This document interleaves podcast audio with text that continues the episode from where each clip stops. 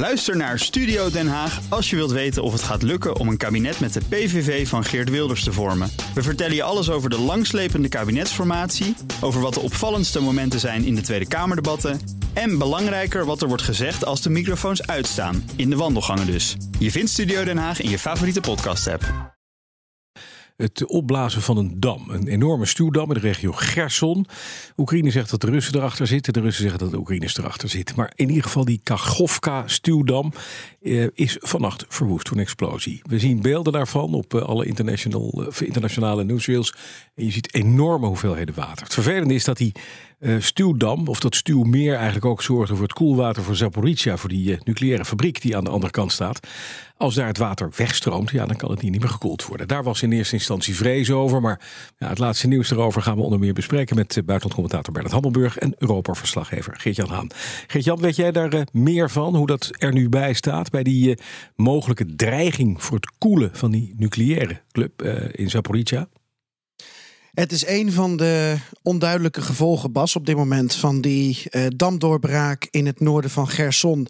Want je moet je voorstellen dat het water in principe de andere kant op gaat. Hè? Dus mm uh, het water uh, dat nu door die gebroken dam zuidwaarts gaat, heeft gevolgen voor land, voor mensen, voor milieu, mogelijk ook voor een instabiel stroomnetwerk van de Oekraïne. En natuurlijk voor het tegenoffensief, waar we nog misschien over komen te spreken. Opwaarts dan kom je uit bij die kerncentrale van Zaporizhia. Maar dan zit je dus met het water uit het reservoir, dat mogelijk mhm. dan verdwijnt. En waardoor ze in de problemen komen. Nu wordt er al gezegd dat er op dit moment al minder koelwater is. En dat ze het toch aan het ondervangen waren. Maar het is gewoon nog te vroeg om daar echt iets um, over te zeggen. Het is een potentiële ramp, maar met onduidelijke gevolgen. Ja, je zou dus inderdaad zo'n kerncentrale moeten uitzetten. Het nieuws wat wij nu zien is dat uh, op dit moment het internationaal uh, energieagentschap zegt het waterniveau 16,6 meter, wat nog voldoende is voor het koelen van de, van de centrale. Maar we monitoren dat wel allemaal. we gaan dat zien. nogmaals, het is een eerste, een eerste, eerste indruk die we hebben. Die dam die nu leeg is, of dat, dat stuwmeer wat leeg stroomt naar het zuiden toe, dat kan ook de watervoorziening voor de Krim kan dat beïnvloeden. En dan heb je de Russen te pakken.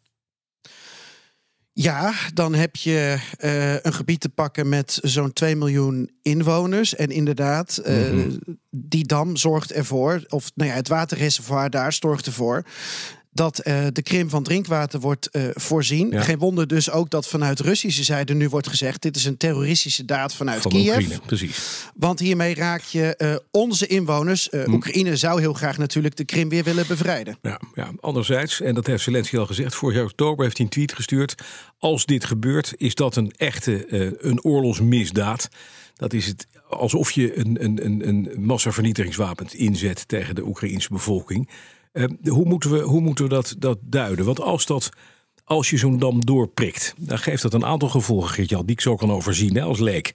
Uh, allereerst, je hebt een enorm veiligheidsprobleem wat je moet gaan oplossen als Oekraïne voor de mensen die daar wonen. Daar moet je het leger naartoe sturen om daar zandzakken neer te leggen. Het leger wat daar staat kan niet vechten tegen Russen. Uh, alles wijst er wel op dat ja, eerder de Russen hier belang bij hebben bij het doorprikken van die dam dan de Oekraïners. Als je in scenario's denkt, dan is dat inderdaad een plausibeler scenario. Alleen we weten het gewoon niet. En dat maakt het heel lastig om in dit stadium daarover te praten. Dus waar we het in dit stadium over kunnen hebben, is dat het water uh, zo rond het middaguur in de Oekraïne een bepaalde piek gaat bereiken. Waardoor op dit moment heel hard gewerkt wordt aan de evacuatie van een heleboel dorpen. En goed om te benoemen, de consequenties zijn zowel in gebied dat Oekraïne nu nog in handen heeft. Mm -hmm en uh, gebied dat Rusland heeft bezet. En die hele rivier, die Dnipro, ja. die wordt dus gewoon verbreed. En we hebben het over een groot gebied. Het water dat gaat uiteindelijk ook richting de stad hm. Gerson. Um, dus Oekraïne heeft uh, nu een paar uur tijd om, um, ja, om daar land en mens uh, te gaan evacueren. Ja. Waar maak jij je zorgen over, Bernard? Nou, een paar dingen. In de eerste plaats, uh, wat, wat Geert-Jan nu zegt, is, voor zover ik het zie, Gerson heeft een wat hoger en een wat lager gedeelte gelegen gedeelte. Dat wat hoger gelegen gedeelte dat um, loopt iets minder gevaar. Maar het lagere gedeelte, eh, dat is nu volgens mij, Geert-Jan, als ik het goed zie, uh, nu juist het deel dat door de Russen is bezet. Dus die, die spoelen zichzelf daar weg. Dus dat, dat, dat kan gevaarlijk zijn. De grootste vraag voor mij is: hoe is dit gedaan? Want wat voor wapen is hier gebruikt? Of is het opgeblazen? Is er, ehm, ehm, zijn er springstoffen in aangebracht? Dat is een belangrijke vraag, want dan, dat, dan kom je wat dichter bij wie dan formeel de schuld zou kunnen hebben. Ja, precies. Ik, zie in het, ik zie in het arsenaal aan wapens, bijvoorbeeld dat het Westen aan Oekraïne heeft geleverd, er niet één die dit kan doen. Los Dus- daarvan, het is ook een aanvoerlijn voor Oekraïnse troepen. Hè? Over die dam heen, daar zijn nogal wat, wat tanks en, en troepen naar het, naar het oosten gebracht. Precies. Dus ehm, ehm, de, de, de, de schuldvraag is heel belangrijk. Hoewel je kunt zeggen, nou ja, het is wat het is. Het gaat nu in de eerste plaats over de gevolgen. Mhm. Zoals Geert-Jan al zegt, je moet nu als sodemieter een aantal dorpen eh, evacueren. Zodat de mensen daar niet verdrinken. Ik las op een van de persbureaus dat dat wel iets van 80 dorpen zijn of zo. Ja, dus het is echt een hele grote eh, eh, eh, toestand. Ehm, en dan doet zich ook de vraag voor hoe groot die schade nou precies is. Dat, we hebben allemaal beelden voor ons. De BBC die, die zegt ergens een tekst die ik niet helemaal begrijp, maar daar zullen we meer over horen. Ja, dat bovengedeelte is dan wel beschadigd, maar de dam zelf is, het, dat we zeggen, het fundament van die dam is nog intact. Nou, Ja. een belangrijk gegeven. Kun je er iets aan doen? Zou je het kunnen repareren? Allerlei dingen die we nog niet weten.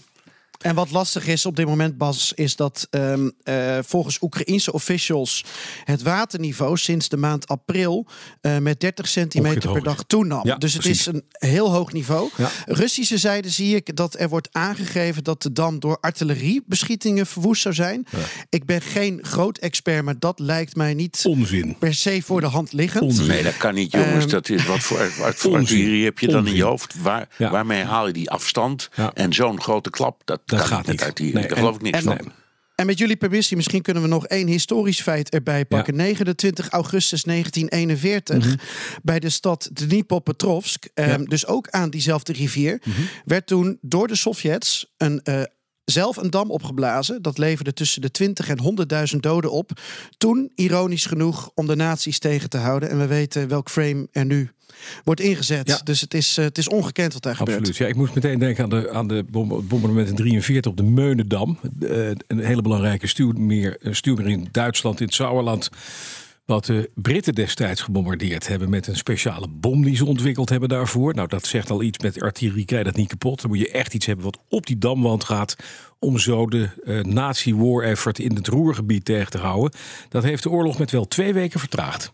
Het rotte is wel dat je inderdaad, en dat, dat, dat hebben we meer gezien in de militaire geschiedenis. Het leidt wel heel erg af van een eventueel offensief wat de Oekraïners nu zouden hebben, hebben ingezet. En toch eventjes met jou, Bernard, daarover gepraat, eh, te praten. Stel nou dat hè, de Russen inderdaad die dam hebben opgelazen.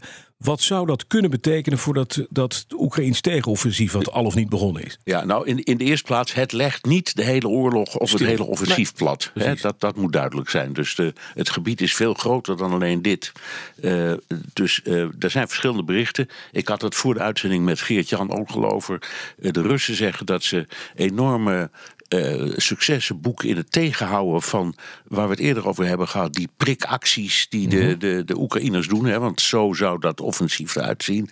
Ze zeggen dat ze ehm, eh, bij een van die eh, aanvallen in Donetsk een, is, eh, iets van 9 of 28 eh, Oekraïnse tanks, eh, Leopard tanks hebben vermoord en ver- ver- Verwoest, ja. uitgeschakeld. En 109 panzervoertuigen. Geert Jan zegt heel terecht, ja dat zeggen de Russen, maar dat klopt vaak niet.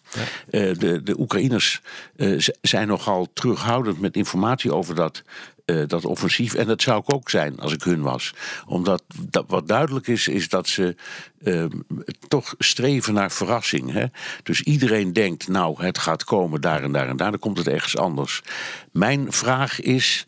ehm, of ze nog steeds, omdat heel veel eh strategen dat voor mogelijk houden, gaan proberen met drones of, of andere eh, projectielen eh, een soort van grote aanval uit te oefenen op de Krim. Als dat gebeurt, zeker onder deze nieuwe omstandigheden met het waterprobleem, dan zou dat strategisch en tactisch heel handig zijn. Maar het kan ook in, in ja, alle andere vier gebieden waar het om gaat in die eh, eh, in die bezette Donbass gebeuren. Weet het eenvoudig niet. Nee, het nieuws wat nu binnenkomt trouwens is dat eh, de AFP zegt dat Oekraïne op dit moment 16.000 mensen aan het evacueren is in dat, in het eh, gebied wat getroffen is door het doorbreken van die dam. Ja, dat kan best. En dat nou is- ja, 80, 80 dorpen, 80 dorpen, je, ja. je zit er snel aan. Ja. En dat is dan het gebied waar zij controle over hebben. Hè? Want een ander deel, daar is maar de vraag van wat daar gebeurt. En nog Ja. heel kort over de Krim. Stel dat de Russen nou dit als een wanhoopsdaad zien. Hè? Dat is een scenario. Mhm. Ja. En dat ze op dit moment op basis van hun inlichtingen inschatten dat ze de Krim toch niet zouden kunnen behouden. Mhm. Zouden ze daarom onder water zetten? Er is zoveel waar we aan zouden kunnen denken. Ja. eh, maar het is één grote informatieoorlog, wat Bernard ook zegt. Ehm, alleen met enorme menselijke gevolgen als je nu kijkt naar deze damdoorbraak. Ja, nou, laten we één ding hopen, jongens. Dat, dat is belangrijk. Begonnen we mee, die eh, grote nucleaire plant in, eh, in Zaporizhia. Als die maar gekoeld gaat blijven, kan je dat ding tijdig uitzetten. Je moet het niet hebben dat je daar ook nog een meltdown krijgt. Want dan heb je een double whammy. Hè? Dan hebben we het inderdaad over de eerder voorspelde mass, weapons of mass destruction van Zelensky. Ja, nou, wat dat betreft vind ik de, de, de opmerking van het atoomagentschap enigszins geruststellend. Ja. En in antwoord op je vraag, vol- volgens mij kan je hem inderdaad uitzetten. Ja. Dat is een enorme procedure, maar het kan wel. Ja, precies. Eh, en misschien wordt het tijd om daaraan te denken. Het is de grootste van Europa. Het is dus niet even. Het, het is niet het omzetten van een knopje. Nee. Er, is echt een, er zitten, ik geloof ik, zes kerncentrales in dat enorme complex. Die moeten allemaal uit. Ja. Maar, het, maar het zou kunnen. Eh, En eh, ja, als, het, als de Russen inderdaad, wat Geert-Jan zegt, denken aan een mogelijk verlies van. De ehm, Krim. eh, de Krim, ja, dan is dit niet eh, de, de, de theorie van de ver, ver- verschroeide aarde. aarde, maar van de verzopen aarde. Ja, dat is duidelijk. BNR ben je altijd als eerste op de hoogte van het laatste nieuws. Luister dagelijks live via internet. Bas van Werven. En heel langzaam komt de zon op rond dit tijdstip. Je krijgt inzicht in de dag die komt op BNR, het Binnenhof in Nederland en de rest van de wereld. De Ochtendspits. Voor de beste start van je werkdag. Blijf scherp en mis niets.